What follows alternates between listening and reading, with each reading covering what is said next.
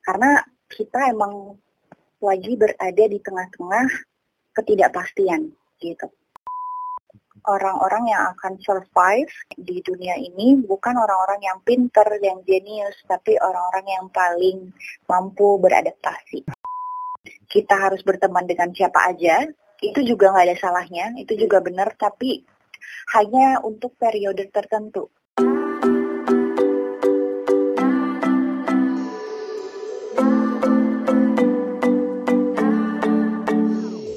Alright, welcome back to Rain's Fit Podcast with me Rain as your host dan kali ini kita bakalan ngobrol bareng Mbak Nabila Dayani sebagai certified coach dan co-founder dari At Talk to Coach. Nah, kita mau ngebahas tentang cara mengatasi rasa panik. So without further ado, let me call her right now.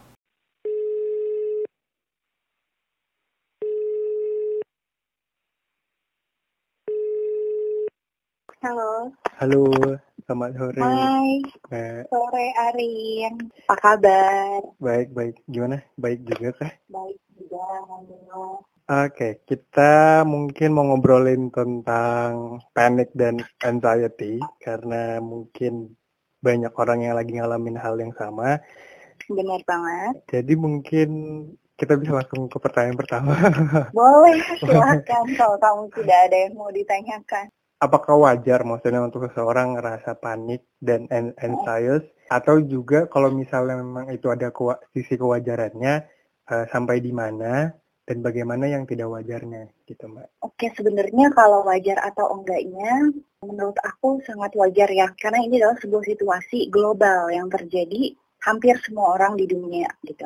Mm-mm. Sebagian besar di dunia mengalami hal yang sama. Dan uh, untuk merasakan panik dan cemas itu wajar karena apa? Karena kita emang lagi berada di tengah-tengah ketidakpastian gitu. Kita nggak tahu nih kondisi ini bakal berjalan sampai kapan ya kan? Mhm. Kita juga nggak tahu seberapa jauh efek atau dampak dari si corona ini yang akan mempengaruhi hidup kita gitu. Contohnya tadi kayak orang-orang yang eh, harus di PHK lah atau nggak bisa kerja atau bisnisnya jadi mau nggak mau gulung tikar gitu. Kita nggak akan tahu nih karena pandemi ini belum selesai. Jadi menurut aku emang sangat wajar. Dan kalau emang kalian ngerasa di luar sana ada yang ngerasa panik dan anxious itu perasaan yang normal untuk dirasakan karena sebagian besar dari kita juga kita belum pernah ngelewatin masa-masa seperti ini gitu kan. Terus nah untuk panik dan anxiousnya ini tetap dalam level yang wajar gitu jadi jangan sampai berlebihan gitu nah tadi kamu juga tanya eh, gimana sih bentuknya kalau panik dan anxious secara yang tidak sewajarnya Mm-mm, gitu ya. berlebihannya seperti apa? Ah, ah, yang berlebihan gitu nah kita awal-awal ngelihat perkembangan si corona ini banyak kan di TV-TV itu disiarin yang orang-orang pada overbuying yang Hmm. tiba-tiba belanja langsung atas segala macam gitu kan Iya. nah itu menurut aku adalah panik yang berlebihan. Boleh kita buying everything yang kita butuhkan, tapi ya masih di batas wajar aja gitu. Terus ada juga yang karena hal ini jadinya mereka over cleaning.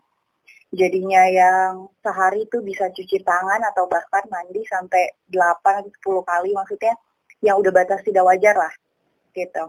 Saking anxiousnya, saking paniknya nggak mau terpapar oleh virus ini kan. Terus Oh, selain jadi- itu juga, kenapa? Ah. tadi aku kira oh, udah over cleaning, aku juga termasuk ternyata kalau udah sampai 8 kali berarti belum termasuk.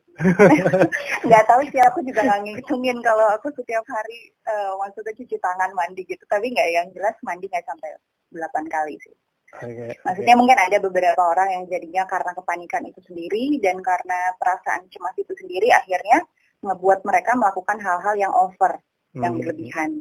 Oke. gitu. Selain itu juga bisa eh, mungkin ada beberapa orang yang jadinya fobia ya. Jadi sedikit-sedikit takut atau cemas gitu sama aduh megang pintu takut ada kuman. Terus ngelihat orang lain jalan padahal masih jauh dari satu meter udah panik duluan gitu. Itu yang panik berlebihan. Nah dan hal-hal tersebut yang sebenarnya bisa mempengaruhi nah saya hal-hal tersebut sebenarnya malah bisa mempermarah memperparah si kepanikan kita dan kecemasan kita ini I see. gitu. Jadi jadinya seperti apa ya kayak bola es yang bergulung gitu loh. Jadi kita udah panik ditambah dengan eh, kepanikan dan kecemasan yang tidak terkontrol akhirnya jadi semakin besar, semakin parah. Gitu. Oke, dan mungkin karena faktor dari berita juga dan media sosial yang yang banget. ke mana-mana gitu kan dan even Mm-mm. kadang kita juga nggak tahu itu benar apa enggak belum tahu kebenarannya udah langsung dapat infonya terus karena udah keburu panik jadinya ya udah gitu kayak semakin takut lah sih katanya Sorry, sorry. Mm-mm. Terus kena, kenapa, kenapa? Uh, jadi uh, karena mungkin masih baru kali ya jadi kayak semua orang uh, ikut mensuarakan tentang hal ini terus habis itu kita juga belum tahu kayak info yang secara medisnya itu benar atau enggak dan kita dapat kita juga udah apa namanya udah panik belum lagi kalau misalnya kita ikutin berita kan itu selalu update tuh tiap hari berapa perkembangannya Iya. berapa perkembangannya Ah. terus kita juga bisa lihat eh, secara on kalau di Jakarta sih bisa lihat secara online kan kayak dia di mana aja Mm. dan bahkan saya sih sempat waktu itu jadi di daerah saya itu ada tiga orang pertamanya Mm-mm. terus eh, Apa ODP? udah positif Oh, udah positif. Ah. Terus? Terus eh, karena lihat di petanya apa namanya eh, di daerah yang mana gitu awalnya belum belum terlalu jeli ngeliat si petanya seperti apa gitu. Terus eh, udah tau lah ini di daerah mana. Nah akhirnya setelah beberapa hari maksudnya eh, decide untuk nggak terlalu melihat berita karena kan maksudnya terlalu capek ya dengan hal-hal yang kayak gini. Akhirnya di, di ditinggalin sebentar. Dan setelah seminggu saya lihat sebenarnya iseng sih kayak pengen tahu apakah udah semakin banyak atau enggak tapi ternyata setelah dilihat udah 9 orang saya kira setelah saya lihat lagi petanya itu bukan berarti di satu titik yang itu eh, titiknya Mhm. titik petanya itu hanya menunjukkan di kecamatannya jadi bisa ter- bisa aja di mana Oh. aja itu jadi malah makin buat kayak aduh makin gak mau keluar terus kayak Iya. makin makin bingung juga Makin gitu. takut kan? Heeh, gitu. Ya. Karena rasa takut, rasa cemas, rasa eh, panik yang kita rasain nanti lama-lama akan menjadi tekanan dan sebenarnya tekanan itu yang akan mengurangi imunitas kita. Gitu. Hmm. Jadi sebenarnya kita juga malah merugikan diri sendiri gitu loh dengan over overthinking atau over panic, over anxious. Karena mungkin dari dari sisi psikologi dulu kali ya, baru nanti kira, lam- mungkin bisa lama-lama jadi ke fisik di bawah. Iya, karena ya semuanya benar-benar berawal dari mental kita, dari pikiran kita, cara berpikir kita, cara kita melihat masalah atau situasi yang sulit ini. Itu balik lagi ke situ dan ya sebaiknya sih cukup menyadari bahwa di tengah-tengah keadaan yang kayak gini emang pantas untuk kita merasa cemas ataupun sedikit panik, nggak apa-apa. Tapi jangan sampai berlarut-larut gitu karena kalau berlarut-larut ya bisa memicu perilaku-perilaku yang berlebihan seperti yang tadi saya udah sebutin Oke. gitu.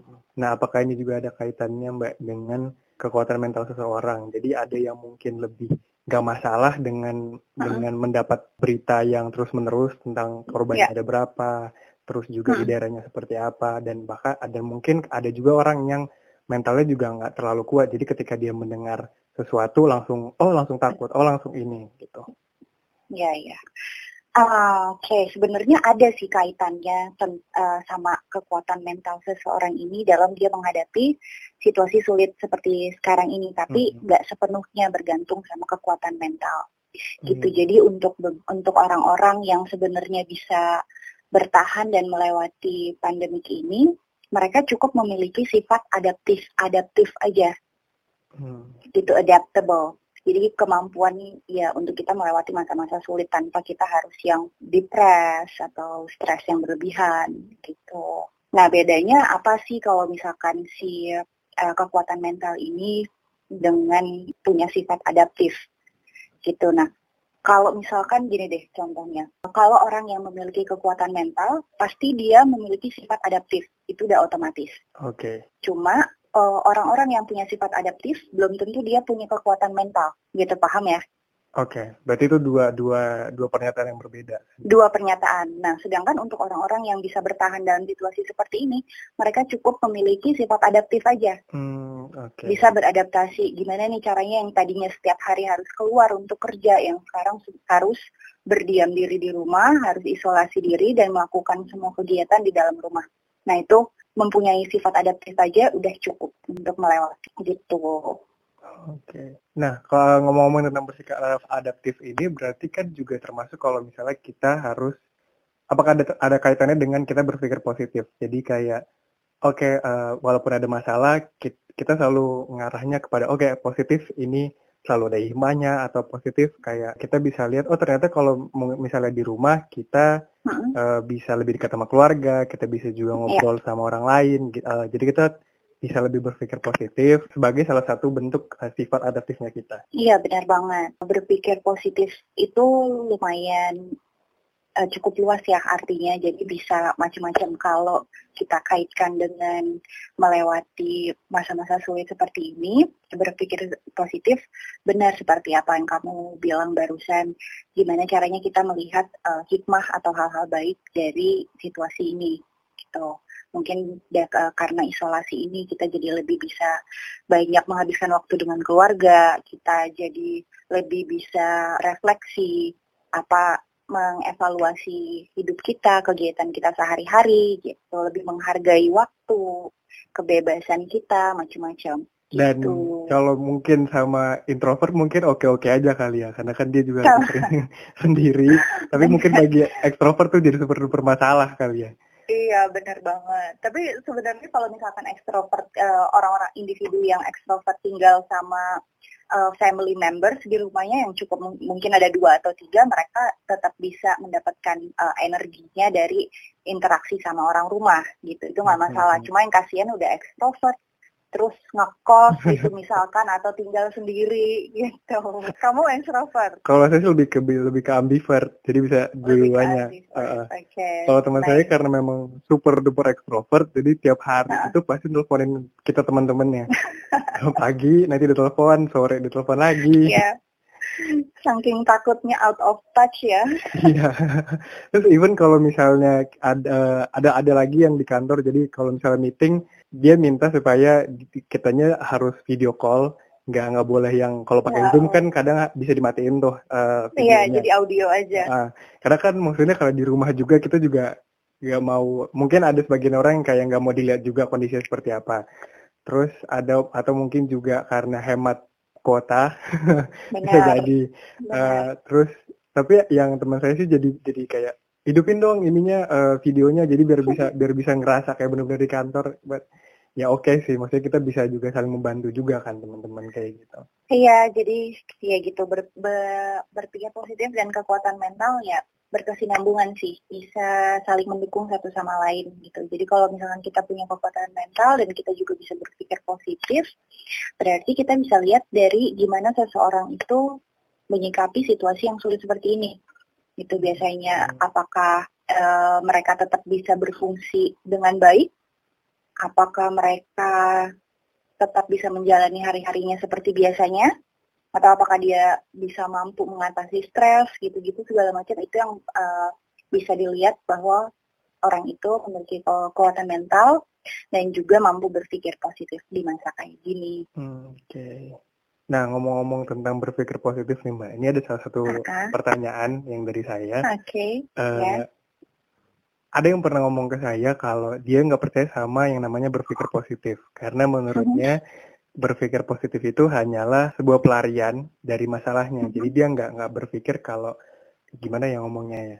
Maksudnya? Ya, coba kasih contoh-contohnya gimana? Tuh misalnya gini, dia ada masalah, dia masalahnya uh, gimana ya? Waktu itu saya lagi ngobrol. Uh, agak absurd sih jadi agak susah gitu. Oke, okay.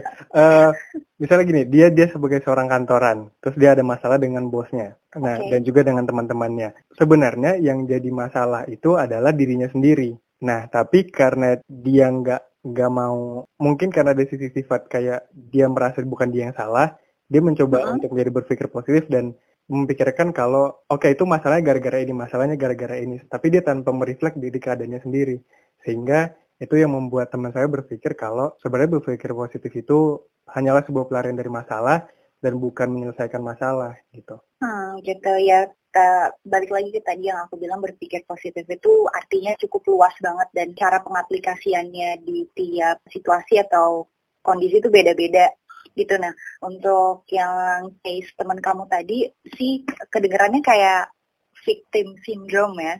Hmm. Pernah dengar nggak? Kayak victim syndrome tuh kayak ketika kamu menghadapi masalah, kamu selalu menyalahkan external factor, faktor-faktor luar dan tidak nggak bisa refleksi ke diri gitu loh. Jadi ibaratnya nggak mau disalahin lah. Hmm. Arti kata gitu. gitu nah memang susah sih kalau misalkan kita terfokus sama menyalahkan faktor-faktor luar gitu karena faktor luar itu adalah hal-hal yang kita tidak bisa kontrol. Contohnya kayak dia melakukan kesalahan di kantornya terus bosnya jadi marah-marah apa segala macam. Dia nggak dia nggak akan bisa mengontrol uh, bosnya untuk marah atau enggak. Hmm, paham nggak? Paham. Iya, jadi uh, apa yang dipikirin orang lain terhadap diri kita atau perilaku orang lain terhadap kita itu di luar kontrol kita. Nah, apa yang di dalam kontrol kita? Yang kita bisa kontrol adalah bagaimana kita memandang hal tersebut, bagaimana kita me merefleksikan apa sih yang kurang atau apa sih yang sebenarnya perlu diperbaiki gitu. Contohnya kalau misalkan bos itu marah, mungkin nggak ada sesuatu hal yang bisa memperbaiki diri saya gitu karena karena dimarahin itu gitu. Jadinya bukannya malah menyalahkan tapi malah kita refleksi agar kita bisa jadi lebih baik dan mengambil pelajaran dari hal tersebut otomatis harus ada action yang dilakukan juga kan. Jadi nggak nggak cuma sebagai uh, point of view yang dia berpikir kayak oke okay, ini salahnya seperti apa. Apalagi kalau misalnya dia menyalahkan sisi eksternal, otomatis itu ya mungkin kalau ke kejadiannya benar dari sisi eksternal oke okay lah ya. Tapi kalau dari sisi ternyata dari insight-nya juga ada salah, itu udah udah pasti nggak baik untuk dilakukan, ya kan? Benar ya karena semakin kita fokus sama atau menyalahkan sisi eksternal tuh uh, kita yang ada malah makin stres dan jadinya nggak nggak apa ya nggak nggak bisa menjadi orang yang lebih baik karena kita menganggap diri kita selalu benar. Tapi kalau uh, kita menyadari bahwa ada hal-hal di luar diri saya, di luar hidup saya yang saya nggak bisa kontrol, jadinya kita cuma coba fokus ke diri kita apa nih yang bisa saya kontrol. Oh saya bisa kontrol bagaimana saya cara bagaimana cara saya melihat memandang hal tersebut atau kejadian tersebut. Gitu. Nah tadi mm-hmm. kenapa? Lanjut aja lanjut aja nggak kalau misalkan kita mau kaitkan si berpikir positif ini dengan taking action mm-hmm.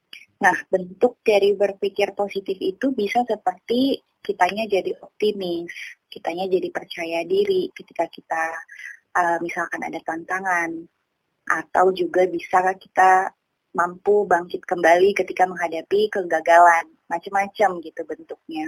Hmm, Oke, okay. tentang mental, tentang berpikir positif, Uh-huh. Ini makin out of topic lagi nih.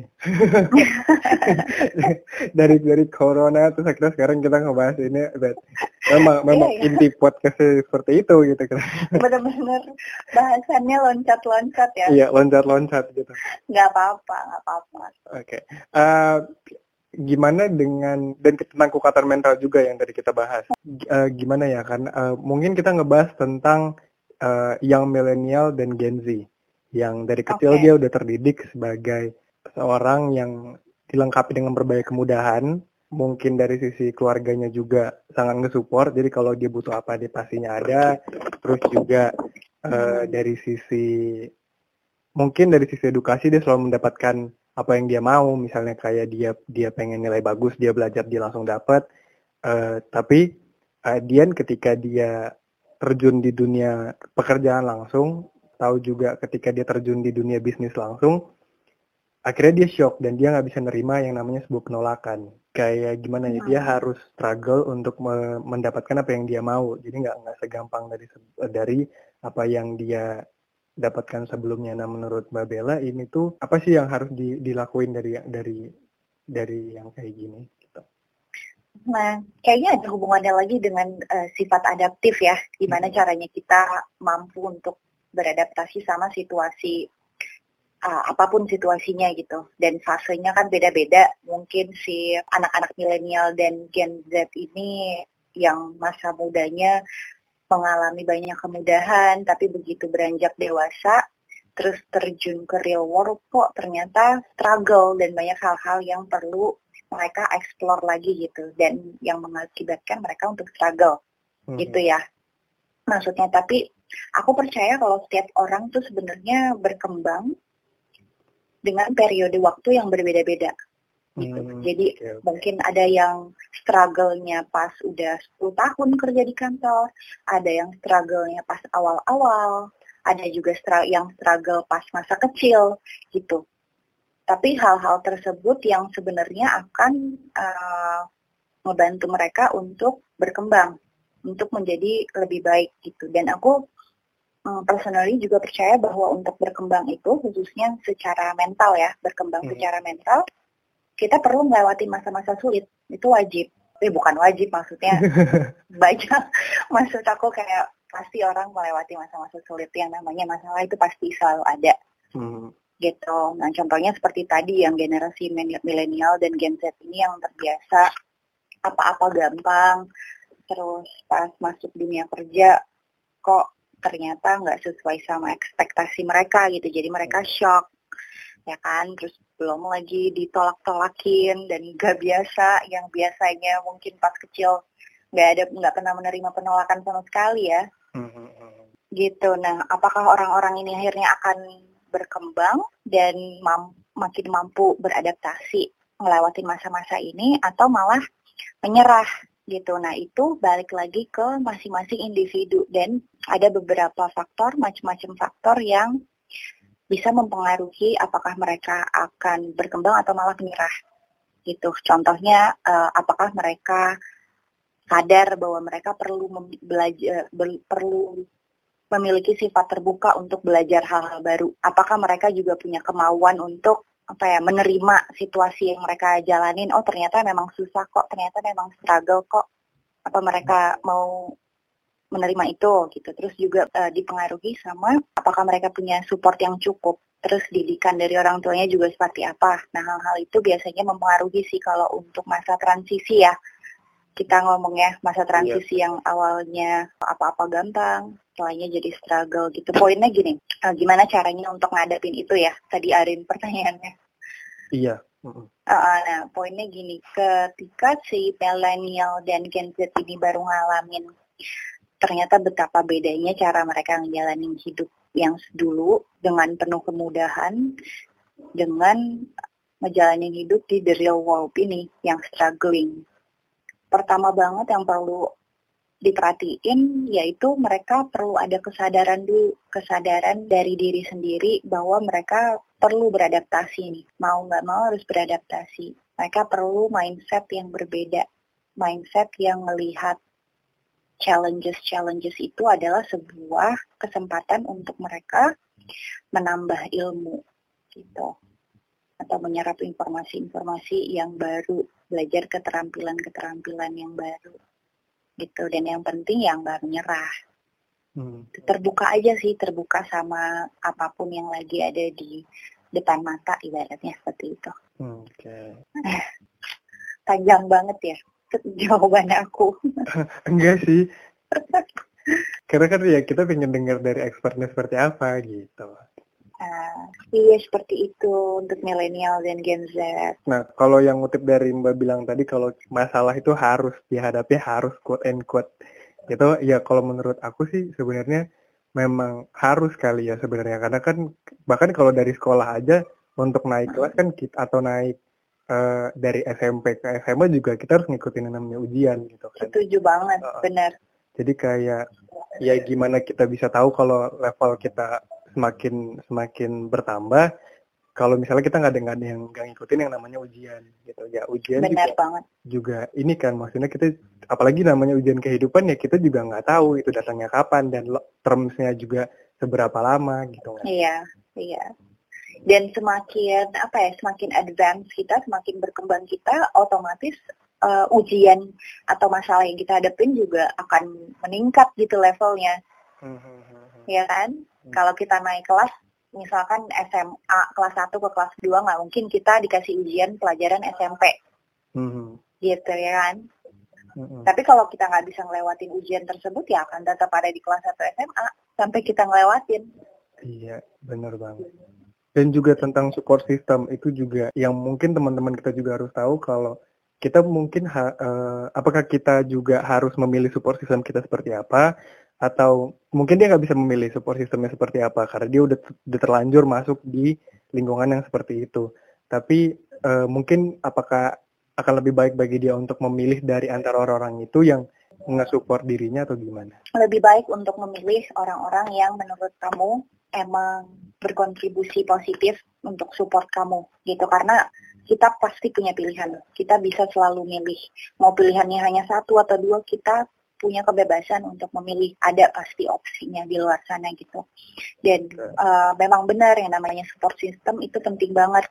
Dan nggak perlu deh kita untuk telepon tiap hari si support support system kita ini atau nggak perlu kok komunikasi yang secara intens 24 jam harus teleponan atau ngobrol gitu nggak perlu. Yang penting uh, cukup kita tahu kalau ada orang-orang yang kita percaya di luar sana yang kapan pun kita membutuhkan mereka pasti ada di sana. Itu cukup. Hmm, Oke. Okay. Kamu super system ada nggak di situ banyak kan teman-teman sahabat-sahabat? Kalau support system sih aku udah milih ya dari kuliah sih. Oke. Okay. Jadi nggak mungkin dari awalnya uh, banyak banget temennya tapi lama-lama kan mak maksudnya akhirnya berpikir lagi kalau tujuannya uh, apa nih tujuan tujuannya apa ingin dicapai dan dari tujuan tersebut aku harus milih teman yang seperti apa gitu.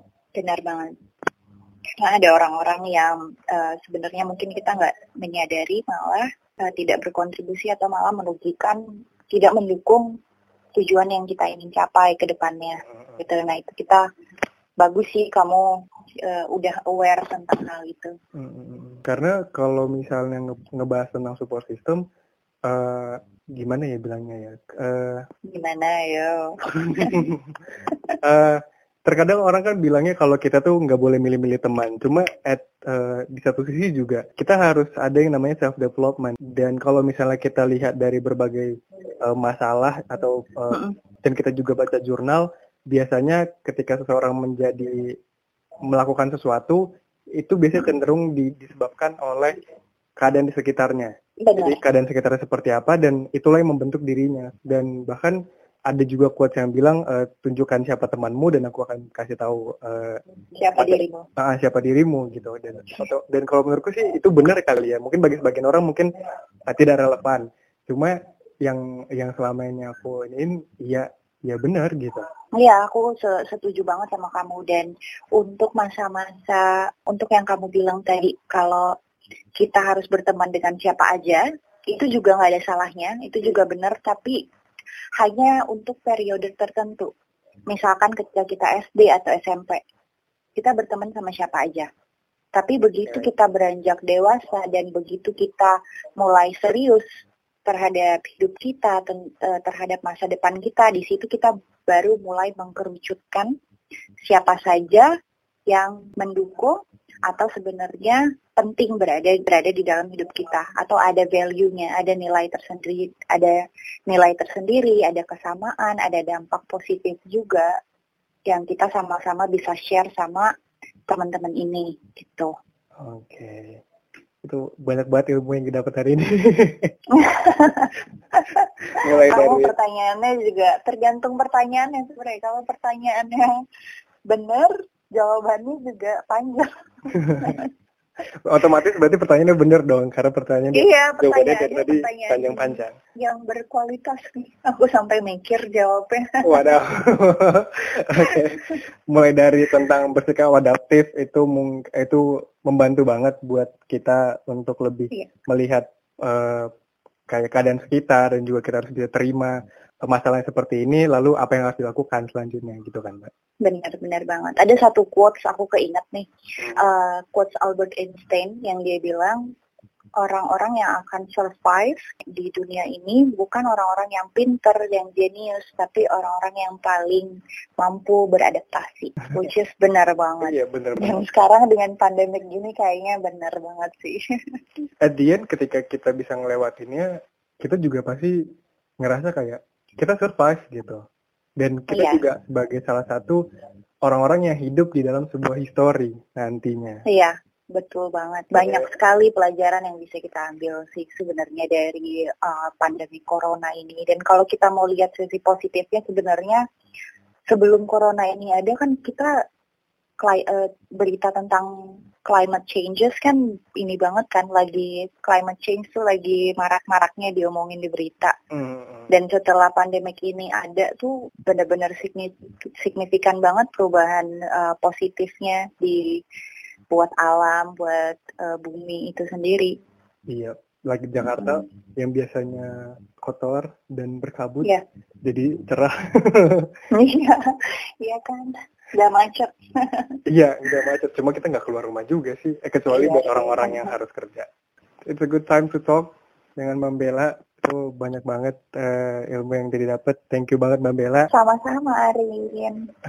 uh, juga buat teman-teman yang mau konsultasi atau ngobrol dengan Mbak Bella lebih lanjut di di akun Mbak Bella sendiri atau di Talk to Coach. Talk to Coach. Uh, uh, mungkin bisa follow Mbak Bella di at Talk to Coach. Terus juga bisa di at Nabila Dayani juga boleh kah? Betul, at Nabila Dayani uh, semuanya kecil disambung boleh chat ke situ boleh DM kalau ada pertanyaan atau kalau mau lihat konten-konten dari talk to coach juga bisa langsung ke Instagramnya at talktocoach.com bisa email kita bisa konsultasi one on one dan kita juga uh, secara berkala ngadain workshop online gitu. Jadi buat kalian yang mau uh, dengerin ikut webinar secara online daripada bosan di rumah boleh eh, nungguin update-nya di situ.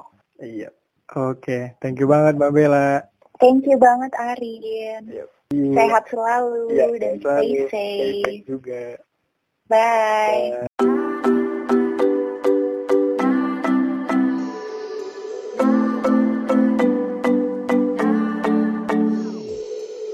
Sometimes